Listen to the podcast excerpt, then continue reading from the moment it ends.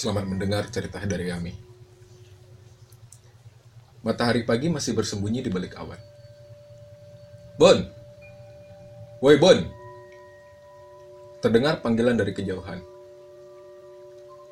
Apa le? Masih pagi udah teriak-teriak. Jawabku.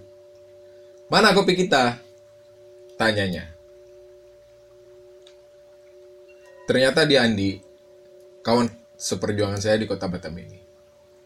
Habis kopi kule, bulan tua ini, jawabku. Kebetulan masih tiga hari lagi kami gajian. Kerebus air, aku cari kopinya. Saud Andi. Siap bos, jawabku dan langsung bergegas ke dapur merebus air. Bon, masa apa Bon? Tanya Imam. Rebus air man, mau bikin kopi aku. Jawabku. Banyak aja Bon, berserapan mie kita. Tambah Imam. Imam adalah kawan sekamar dengan saya. Tak lama Andi datang, dia membawa kopi saset dan satu kantong gorengan. Gorengan dari mana, Le? Tanyaku. Pacarku, pulang dari pasar, dibeliinnya lah aku gorengan. Jawab Andi. Andi adalah tetangga kamarku. Mukanya sedikit seram.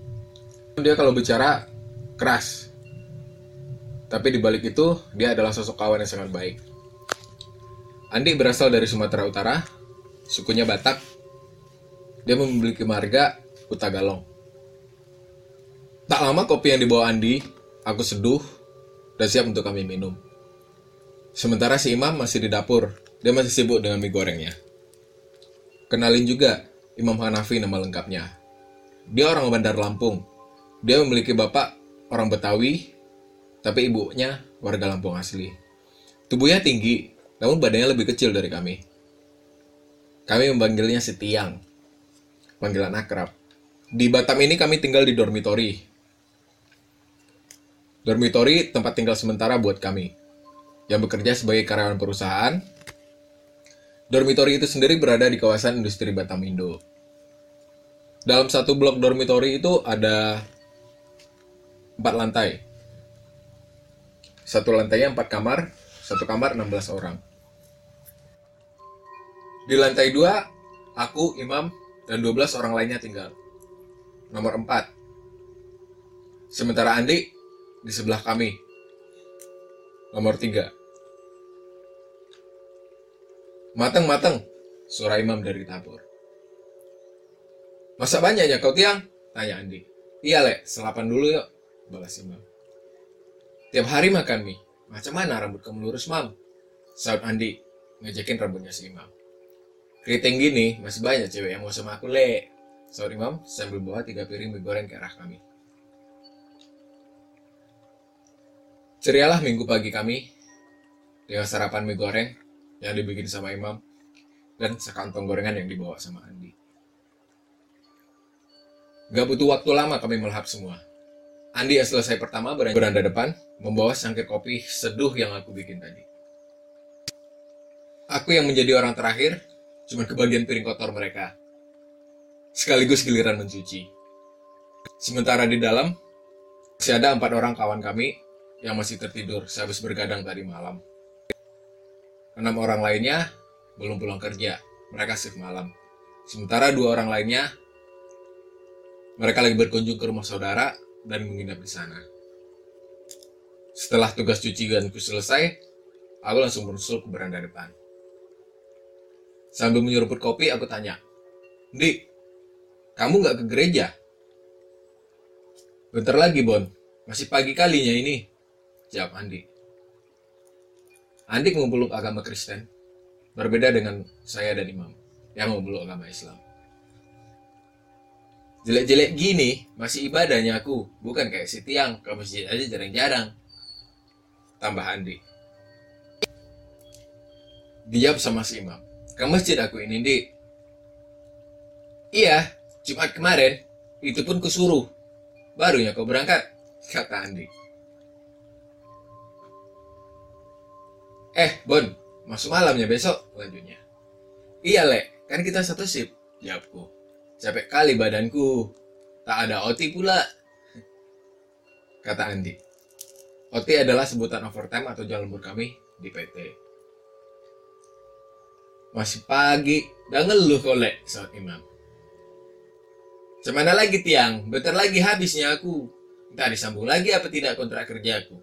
Balas Andi. Kalau tak disambung, pulang kampung lah kalau lele. Tanya aku. Iya, Bon. Kalau aku pulang, kalian mainlah ke kampung aku di Nautoba sana. Jawab Andi. Aman itu, Le. Mancing kita di sana, kata Imam. Obrolan kami semakin hangat pagi itu. Secara bergantian kami menyeruput segelas kopi tadi. Andi, seorang perokok, sementara Imam yang bukan perokok, sesekali marah karena terkena asap rokoknya Andi. Dari kejauhan terlihat juga bus antar jemput karyawan menurunkan karyawan yang baru pulang kerja ke dormitory kami. Tampak juga bapak security yang melakukan tugasnya memantau mereka yang baru turun dari bus. Imam dari lantai dua sesekali menyapa gadis dormitory lain yang melintas di jalan depan dormitory kami. Bang, bang. Terdengar suara cewek dari dormitory seberang blok kami. Apa deh abang? Jawab Andi.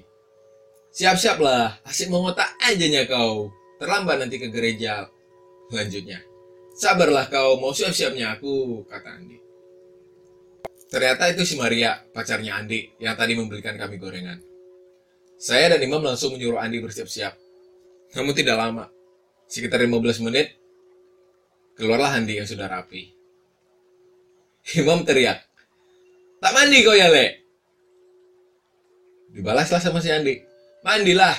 Tak kau tengok sudah cakap gini aku. Masih sama aja lah aku tengok, tambahku. Ngeri muncung kau ya, Bon. Berangkat dulu lah aku. Assalamualaikum, teriak Andi dari kejauhan. Waalaikumsalam, serentak saya dari menjawab salamnya Andi.